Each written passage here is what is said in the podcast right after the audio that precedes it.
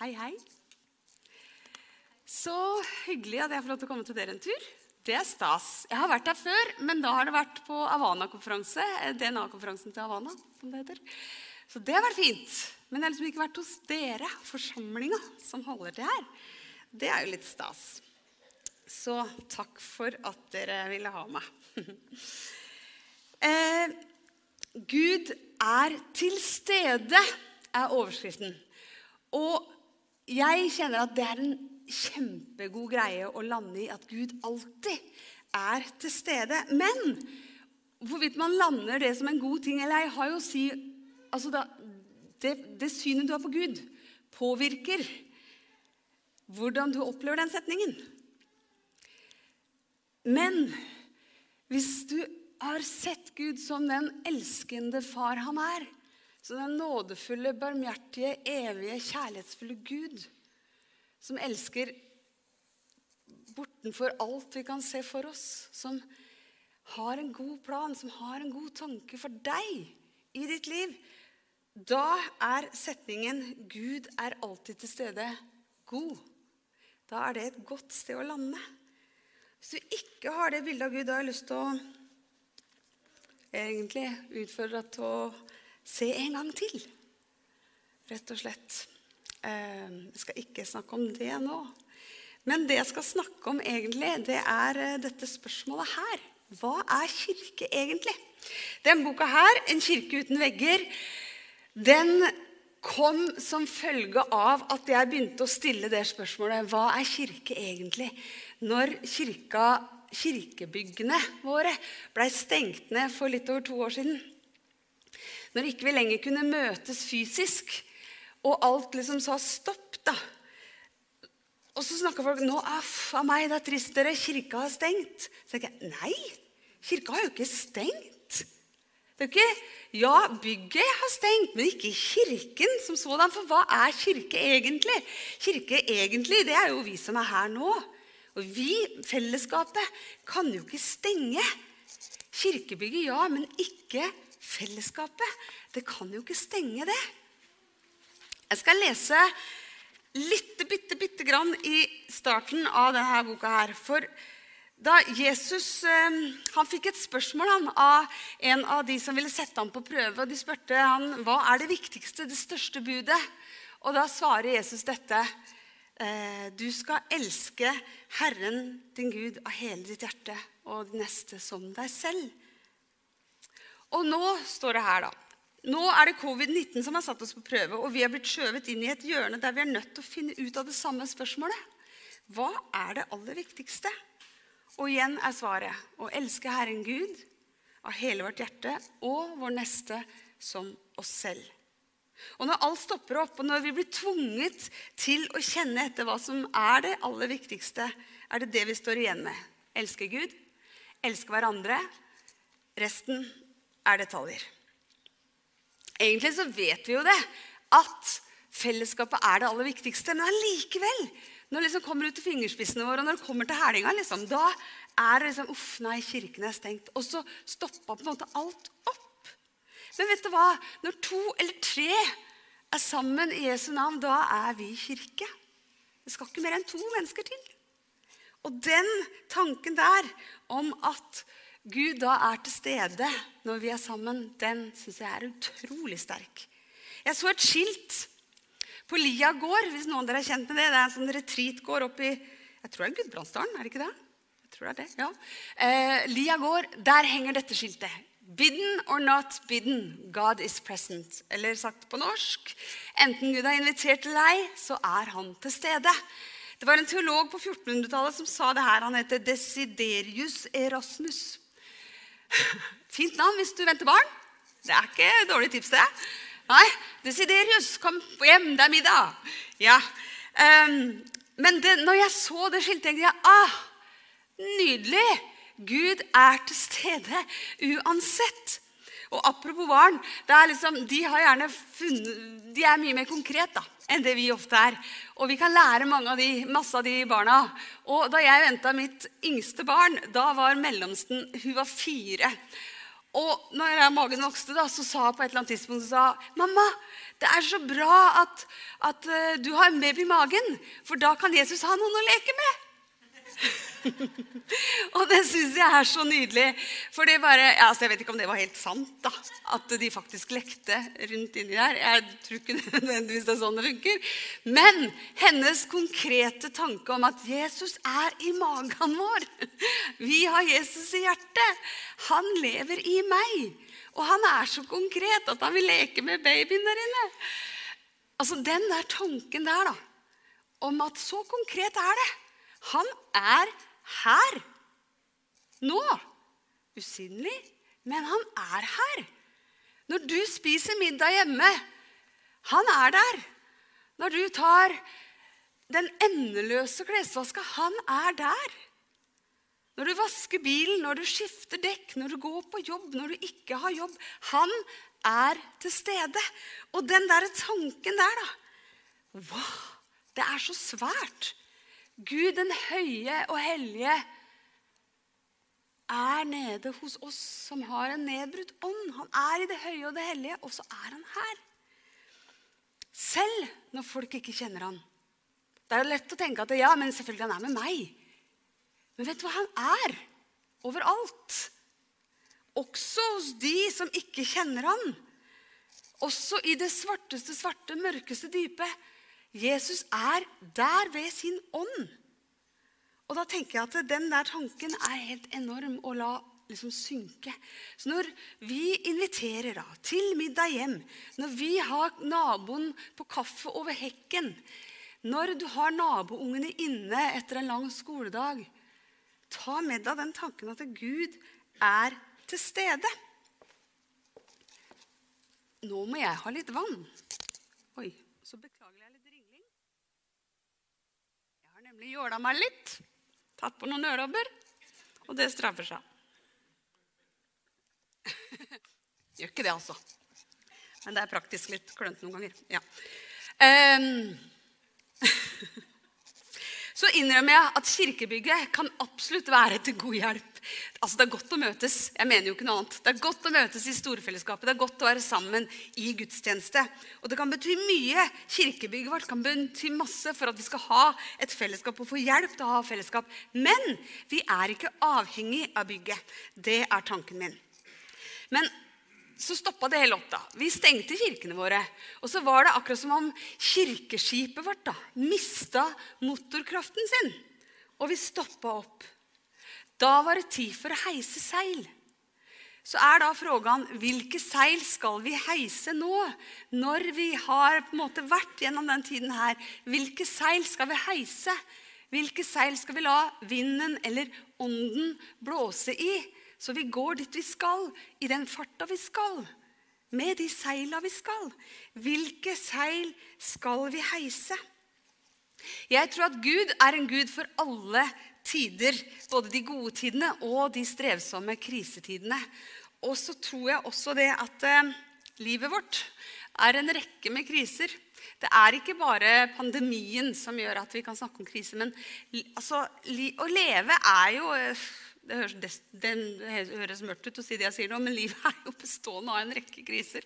fra ende til annen. Vi blir født. Det er en av de største krisene våre. det. Snakk om overgang. da. Og vi får barn. Det er en kjempeovergang.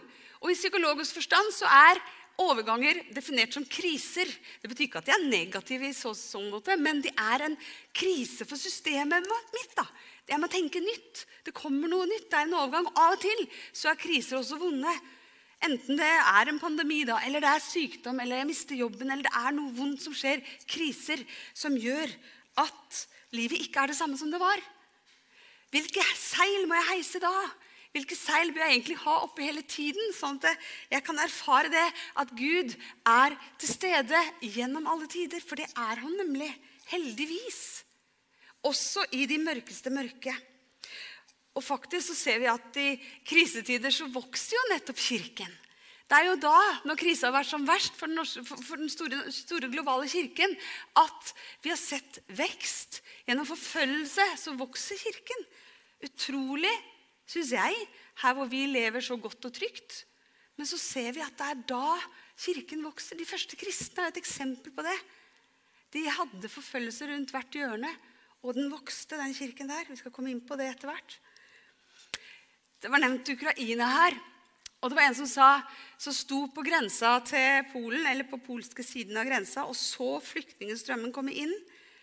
Så alle hjelpearbeiderne som var der. og så, Han her var ikke kristen. Og så sa han til en hjelpearbeider som da hadde en tro, så sa han, er det mulig? Hvordan kan du tro på en Gud når du ser alt det her? Den ondskapen som skjer. Hvordan kan du tro på en Gud midt i alt det her? Så svarer da en hjelpearbeideren, kikk rundt deg, da. Ser du alle hjelpearbeiderne her? Ser du alt det som bare oppstår av godhet midt i det mørkeste mørket?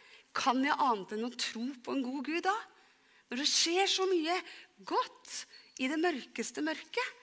Gud er en Gud for alle tider. Og Et eksempel til fra en sånn mørk greie, men som skjer nå. Kina, der er det tøft å være kristen. En, japans, en misjonær som jobba ut fra Japan, han sa nylig at eller Han drev og distribuerte og produserte bibler inn til Kina. Så sa han det at den kinesiske kirke den vokser. Det er kraftig tøft å være kristen der, den hemmelige kirken den vokser. Og Han sa også at kristendommen er den religionen som vokser raskest i verden i vår tid. Og det er viktig å huske på i vår tid, tenker jeg. For vi har så lett å si ja, nei, det er dårlig tid nå, gitt. Nei, det er ikke det. Gud er alltid til stede. Han er en Gud for alle tider, og han har faktisk kontroll. De første kristne de levde i dette her. Og mange av de første kristne de hadde hørt Jesus selv og sett Jesus selv med egne øyne med egne ører. Og de hadde erfart at han hadde stått opp fra de døde. Men de hadde også hørt han snakke om det på forhånd. De hadde hørt at han sa om seg selv Se, vi går opp til Jerusalem, og alt det som profeten har skrevet om menneskesønnen, skal gå i oppfyllelse, sa Jesus.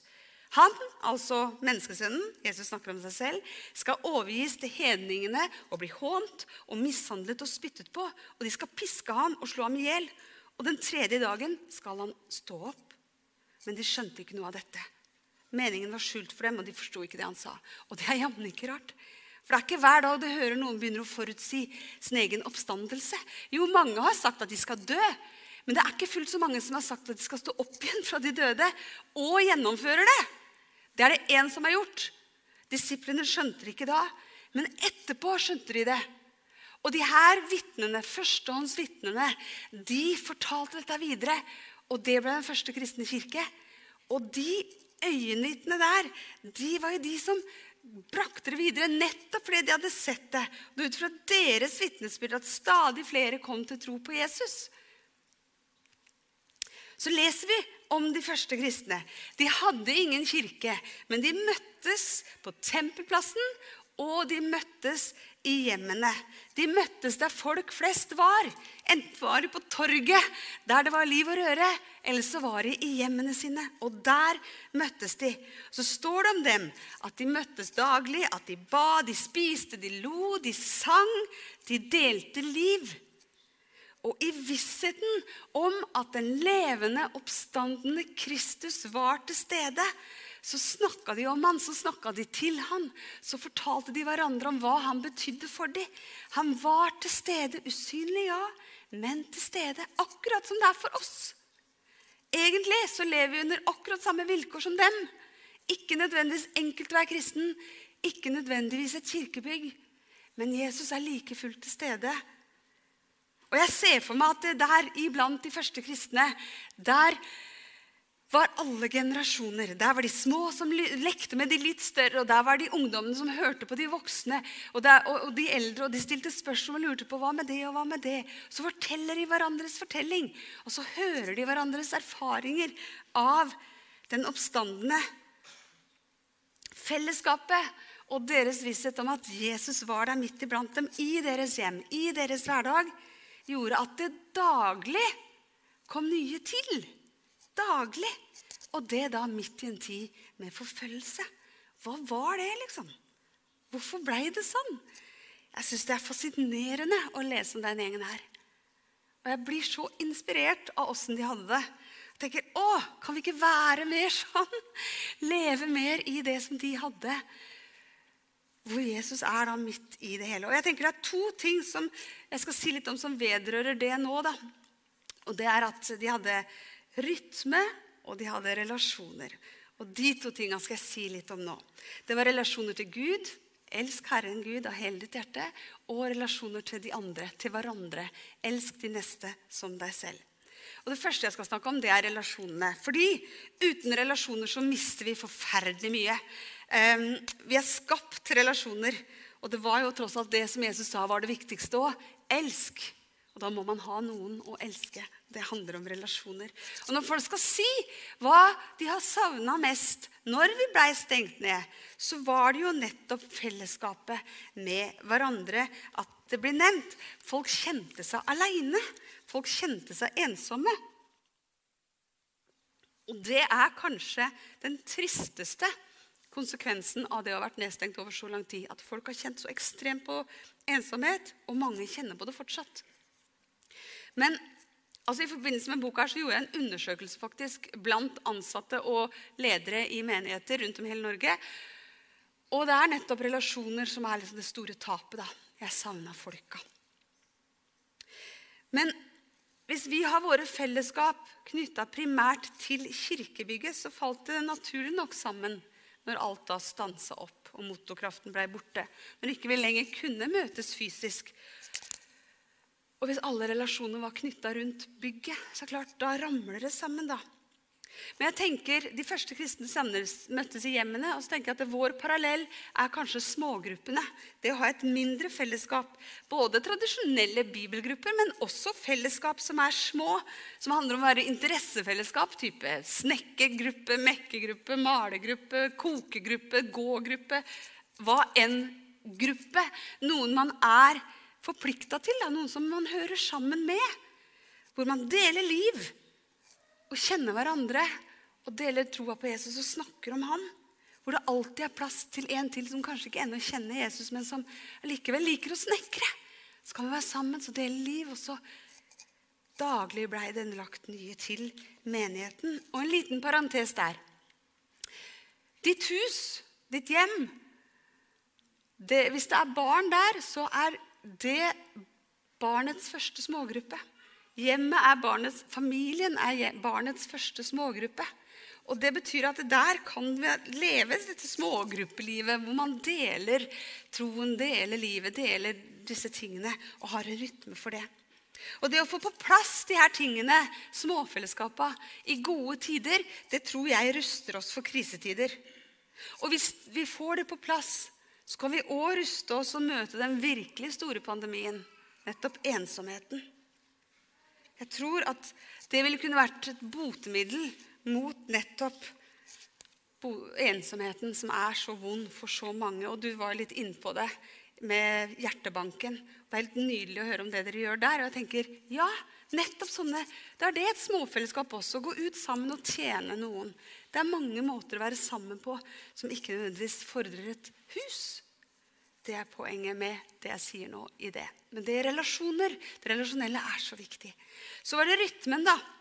De første kristne de hadde en rytme på at de holdt sammen daglig. Og jeg tror det var med på å holde liv i troa deres. Dere er kanskje flere enn meg som lærte om de fire b-er når dere var unge.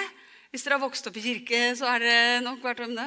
Altså, ok, hjelp meg nå. Bibel, bønn, brød og br brødsbrytelsen og broderfellesskapet. Så fikk vi søstrene lov til å være med. Så vi var liksom en del av brødrene. Det er fint. Men jeg tenker det brød, så har jeg alltid tenkt ja, det er nattverden. Og det er det jo. Men det er også måltidet. Brød, altså Spise brød sammen. Være sammen rundt et bord. Det blir jo ikke bedre samtaler enn rundt et bord. Det å sitte der. Og jeg tenker det der å ha en rytme for disse fire benene. da. Eh, fellesskapet, bønnen, Bibelen. Sa jeg det riktig i stad? Sa jeg det feil? Bønn, Bibel Ikke sant? Vi kan det egentlig. Bibel, bønn, brorskap og brød. Ja, der var vi. Um, og denne her rytmen det å få den på plass i livet sitt tenker jeg er så nødvendig. I hvert fall så kjenner jeg at det er nødvendig for mitt liv for å ha en tro som er levende. Jeg heter da Levende trokonsulent. Og i Misjonskirken Ung så er Levende tro navnet på vårt eh, kall det prosjekt for å utruste menigheter, for å utruste hjem til å leve dette troslivet i det daglige. Enten hjemmet har små barn eller ingen barn eller er besteforeldre, hva enn hjemmet ser ut som. Det å få trosrytmen på plass. da. Det kaller vi for levende tro. Så jeg er da en sånn konsulent som skal hjelpe menigheter til det her. Og hvis du har en eh, gruppe kristne foran deg og tar en liten sånn undersøkelse Hva trenger du i livet ditt for å ha en levende tro? Så kommer alltid disse her orda fram. Ikke nødvendigvis alle orda fra ett menneske, men i gruppa så kommer alt dette her fram. Bibel, bønn, fellesskap, eh, det å ha en tjeneste, lovsang, musikk og det å hvile. Disse punktene kommer så godt som alltid opp. Så tror jeg vi er litt forskjellige, eller jeg vet vi er litt forskjellige som mennesker. Noen har liksom bønnen skyhøyt oppe som en sånn Yes, det er mitt språk. liksom. Nei, jeg kjenner mer på lovsangen. Kanskje er deg. Eller nei, jeg møter virkelig Gud når jeg leser i Hans ord, eller jeg leser om Han i en bok. eller Åh, nei, Jeg kjenner mest at Gud er til stede i fellesskapet. Vi er forskjellige. Men det å finne ut av hva er ditt trosspråk i det her, hvilket rytmeslag trenger du? Jeg tror vi trenger alle. Men jeg tror vi trenger noe, vi trenger, altså Hva vi trenger mest, er forskjellig fra oss. da. Eh, og det å finne ut av hva skal være din rytme da, i din uke, for å liksom holde troa di varm. NB. Vi blir ikke mer kristne av å gjøre dette mye. Det er viktig å si. Vi er kristne så godt som det går an i det øyeblikket vi takker ja til Jesus Kristus som Guds levende sønn, død for våre synder, oppstått til vår rettferdiggjørelse. Vi er kristne ved å tro på ham. Men ved å leve i dette her, så blir vi stadig mer og mer kjent med ham. Og vi kan stadig mer bli formet etter hans bilde, som det står om i Guds ord. Og det kaller Bibelen for helliggjørelse. Vi blir mer og mer gjort hellige, lik han. Og jeg tror ikke vi noensinne blir 100% lik Jesus på denne sida av evigheten. En dag blir vi det. Men ikke nå. Men vi kan jobbe mot det og liksom ha det som et mål. Å ligne han, eller ja, leve i det. da. Ikke for å bli mer bedre eller et eller annet, men bare for å leve i det. For det er en relasjon. Og jeg tror heller ikke Gud blir mer fornøyd med liksom, å, nå har jeg blitt god kristen. Gitt. Nei, jeg tror han elsker meg akkurat like mye hele tiden. Fordi vi jeg elska ham før vi hele tatt tenkte på ham. Men som den gode, elskende far han er, så gleder han seg over det når vi ønsker å tilbringe tid med ham. For han elsker å være sammen med barna sine.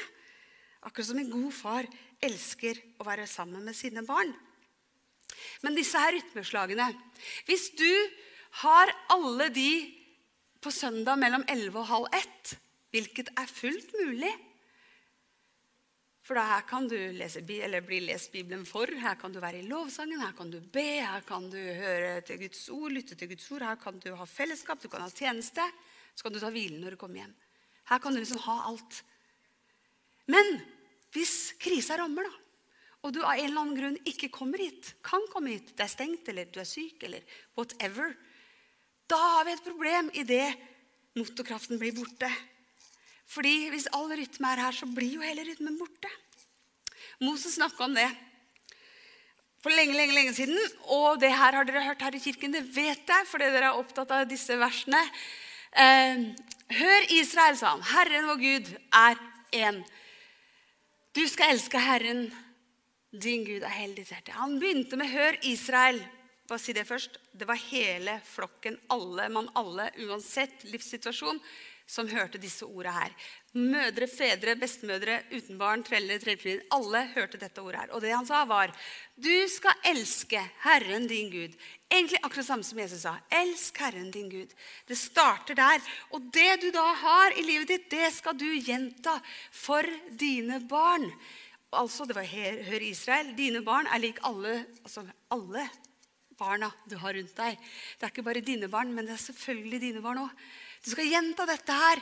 Det du har erfart med Jesus, skal du dele i din hverdag. Når du sitter hjemme, når du går på veien, når du legger deg, og når du står opp. Midt i ditt hverdagsliv skal du dele det her. Og så skal du binde dette Altså, den her eh, Loven er det jo han snakker om, da, men Guds ord, den relasjonen du har til Jesus Bind det om hånden som et tegn og ha det på pannen som et merke. Og jeg tenker, Det her handler om å leve det, kristenlivet vårt ut i våre hverdager når vi går på veien, legger oss og står opp. alt det her. Og vi skal leve tydelig med det, så alle ser det. På pannen betyr jo ikke at vi skal begynne å tatovere Jesus i panna. Men jeg tenker det betyr lev tydelig. Stå for hvem du tror på. Eh, vær liksom oppreist Guds barn der du er i din kropp. Lev det ut, og la det synes. Så tenker jeg også at Når jeg ser meg selv i speilet, så kan jeg se det. Der har jeg en Guds datter, gitt, som jeg står og ser på. Eh, jeg er et elsket Guds barn. Det er min identitet. Det er det jeg kan bygge livet mitt på. Når du ser deg selv i speilet, så husk det. Men det her med å binde om, om, om armen Så her har jeg et lite armebånd. Nå høres det ut som Min yngste datter er et barnehagebarn. Det er hun ikke. Hun er russ. Men til morsdagen nå sist så fikk jeg dette her armbåndet. Hun og noen venninner hadde perla hvert sitt armbånd til hver sin mamma. Og jeg går med det. Jeg har gått med det siden. Og når jeg ser på det, så tenker jeg på Juni, som hun heter. Jeg tenker på, å, Hun er så glad i meg at hun har laga dette til meg. Jeg elsker Juni. Hun er god. Tenk at jeg får være mammaen hennes. Og litt sånn i overført betydning, da. Han sier, 'Bind det om hånden'. Så vi husker det. Jeg husker Hver gang jeg ser det, så tenker jeg på Juni. Det er liksom en påminnelse til meg selv. Og så står det på det på dørstolpene i huset ditt. tenker jeg, Når jeg har gjester, så skal det merkes at her bor Gud. For han er alltid til stede. Han er der midt i mitt liv. Når du har gjester inn, la Guds ånds atmosfære prege ditt hus. Ha gjerne noe som syns på veggen. Et skilt eller plakat eller hva enn. Så det syns enda bedre. Men bare det at du lever ditt liv med Jesus i din hverdag, så merkes det når folk er på besøk. For husk at når du har gjester, så er dere kirke. Så kan du tenke at ja, men herlighet, det lille jeg har, det er ingenting å gi. Kan hende det er menneskelig sett, men vet du hva? I Guds hender, i Jesu hender, kan den rekke til så mange så mange som mulig. Husker dere en historien med disse fem brød og to små fisk? Det var ikke store matpakka han gutten kom med til Jesus. Men det holdt til 5000 menn og kvinner og barn i tillegg. Det holdt i bøtter og spann, og det var rester til overs. Og jeg tenker, Hvis jeg deler den lille troa jeg opplever kanskje da, å ha lille, Jeg har jo ikke erfart så mye med Gud. Jo, men del det lille, da så kan Gud velsigne det og gjøre det så stort og skape mye i den som er rundt deg. Den du har på besøk, de barna du har rundt deg, eller hvem det nå enn er. Jesus gjentok det her og sa, 'Elsk Herren av hele deg'. Og så sa han det på en annen måte også. Han sa, 'Bli i meg, så blir jeg i dere'. Bli i min kjærlighet. Som en grein er på et tre, så kommer den frukten av seg selv på det treet, på den greinen. Sånn er det når vi blir i Jesus er poda inn i han da, som hans elskende barn, så kan han skape utrolig gode ting gjennom oss. Fordi han er så mye større. Han har så mye mer. Men vi må da bli i han. For hvis den greinen ikke er på treet, så bærer den naturlig nok ikke frukt. Og det er derfor disse her. Hva trenger du for å kunne ha denne levende tro, sånn at sevja fra Jesus da kommer ut i greinene, så at du kan bære frukt der du er i din hverdag. Er det Bibelen, bønnen, lovsangen, fellesskapet, tjenesten, hvilen, stillheten, roen som er ditt hjertespråk med Gud? Finn ut av det. Finn ut av hva som er det viktigste for deg for at denne gudsrelasjonen din skal holdes varm, så at du igjen kan bli i stand til å elske din neste som deg selv. For det tror jeg er mye lettere hvis vi har Gud i hjertet først. Jeg kan ta meg håret en stund, og så orker jeg ikke lenger. Men når Gud er den som skaper det i meg, så blir det en helt annen historie. Da kan vi ha nok til mer enn bare de som kan spise nistepakka. Da har vi nok til alle 5000 på en måte da, i overført betydning her. Min bønn er at vi alle, alle våre menigheter og forsamlinger rundt i hele vårt land kan jobbe for å få disse her mindre fellesskapene på plass for i de fellesskapene så tror jeg vi kan hjelpe hverandre til å ha den rytmen. Akkurat som de første kristne hjalp hverandre. De var daglig sammen, og gjennom det hjalp de hverandre til å ha en rytme for livet med hverandre og livet med Jesus.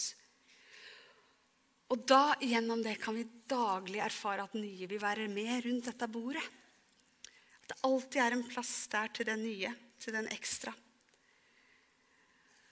Og da når vi er her vi er nå, da, så kan vi kanskje benytte anledningen til å spørre hva er disse seilene vi kan heise på dette skipet vi sitter på og er en del av, for at vi kan gjøre dette på en klokest mulig i våre fellesskap. Hvordan kan vi best mulig heise de rette seila, så at vi blir den kirka vi skal være? En kirke som er uten vegger, først og fremst. Og som lever ut gjennom hjertebanken eller gjennom gruppa du er en del av, eller nabopraten over hekken, eller hvordan du lever det best mulig ut, det, eh, ja, det må enhver av oss gå liksom etter å kjenne etter Jesus. Hva, hva vil du jeg skal gjøre? Hvordan kan jeg leve ut dette her i min hverdag? Og Det har jeg lyst til å utfordre deg litt på her vi sitter. da, så tenke litt over. Men så har jeg lyst til å bare lese et lite avsnitt fra denne boka igjen. da. Så jeg finner det. Det er her. Det er det ikke. Det er her. det er flest hverdager. Der lever vi livet. Farga av jobb og skole og barnehage, skittentøy, krangling, middager, skjermtid, lekser, lekser, bla, bla, bla, bla. Og midt i alt det her er relasjonene våre. Også vår relasjon til Gud. Det funker ikke å ta fram Guds relasjon kun én gang i uka, verken for oss selv eller for dem vi ønsker å gi den videre til. For livet med Gud må leves hver dag. Fjerner du livet fra relasjonen med Gud, blir det kun en livløs vane eller et kulturelt, religiøst ritual. Det står et 'må' her. Det er kanskje feil å bruke 'må'. Vi må ingenting. Men poenget er at det er et liv vi lever med Jesus. Og han kaller oss til å leve med han tett, tett i vår, eh, hver eneste hverdag. Og den bør ikke pyntes på, bør ikke gjøres noe som helst med. Det er noen spørsmål her som er gruelig mange. Kanskje, Jeg vet ikke hvordan dere gjør det her, ja. men kanskje dere kan legge ut noen spørsmål på noen gruppe eller sånn etterpå. Men de spørsmåla til ettertanke som dere kan ta inn i smågruppa di eller over middagen hjemme. eller Bare for å snakke om det som vi har snakka om her. Så at ikke det bare blir her, men dere tar det med dere inn i hverdagen. For hva gjør det egentlig med deg når du hører at Jesus sier at det aller viktigste er å elske? Og hva gjør det med deg når du hører at Gud er alltid til stede, enten han er invitert eller ikke? Jeg ønsker å invitere deg til å tenke over det. Til å tenke over hvilke rytmeslag du trenger i livet ditt, og hva du kjenner Jesus inviterer deg inn i i det. Så ta det med deg nå når vi går over i lovsang. Um, men jeg vil først be en liten bønn. Jesus, tusen, tusen takk for at eh, du er i våre liv, uansett hvordan livet våre ser ut. Og jeg takker deg, Herre, for at du er stor nok til å romme oss uansett om vi har kriser eller vi er på skinner. Herre Jesus, takk for at du ønsker å bety noe inni våre liv og ønsker å bety noe inni våre hverdager. Og jeg ber om hjelp til å holde denne relasjonen vår varm med deg. Hjelp oss til å forbli i deg som du inviterer oss til. Hjelp oss til å forbli i deg.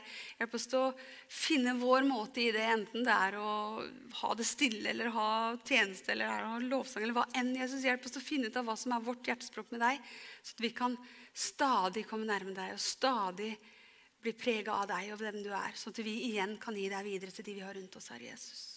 Jeg ber om at vi skal erfare mer av det de første kristne levde. Der vi er sammen, og der vi daglig ser nye kommer til. Hjelp oss til å ha din raushet, Jesus, sånn at vi lokker opp hjemma våre, lokker opp livet våre til flere mennesker, så de kan se hvem du er. For du, Herre Jesus, er den eneste som har beseira døden. Du er den som lever, og du er den som er til stede uansett. Du er den som tåler og elsker og er full av nåde. Og det takker jeg deg for. I Jesu navn. Amen.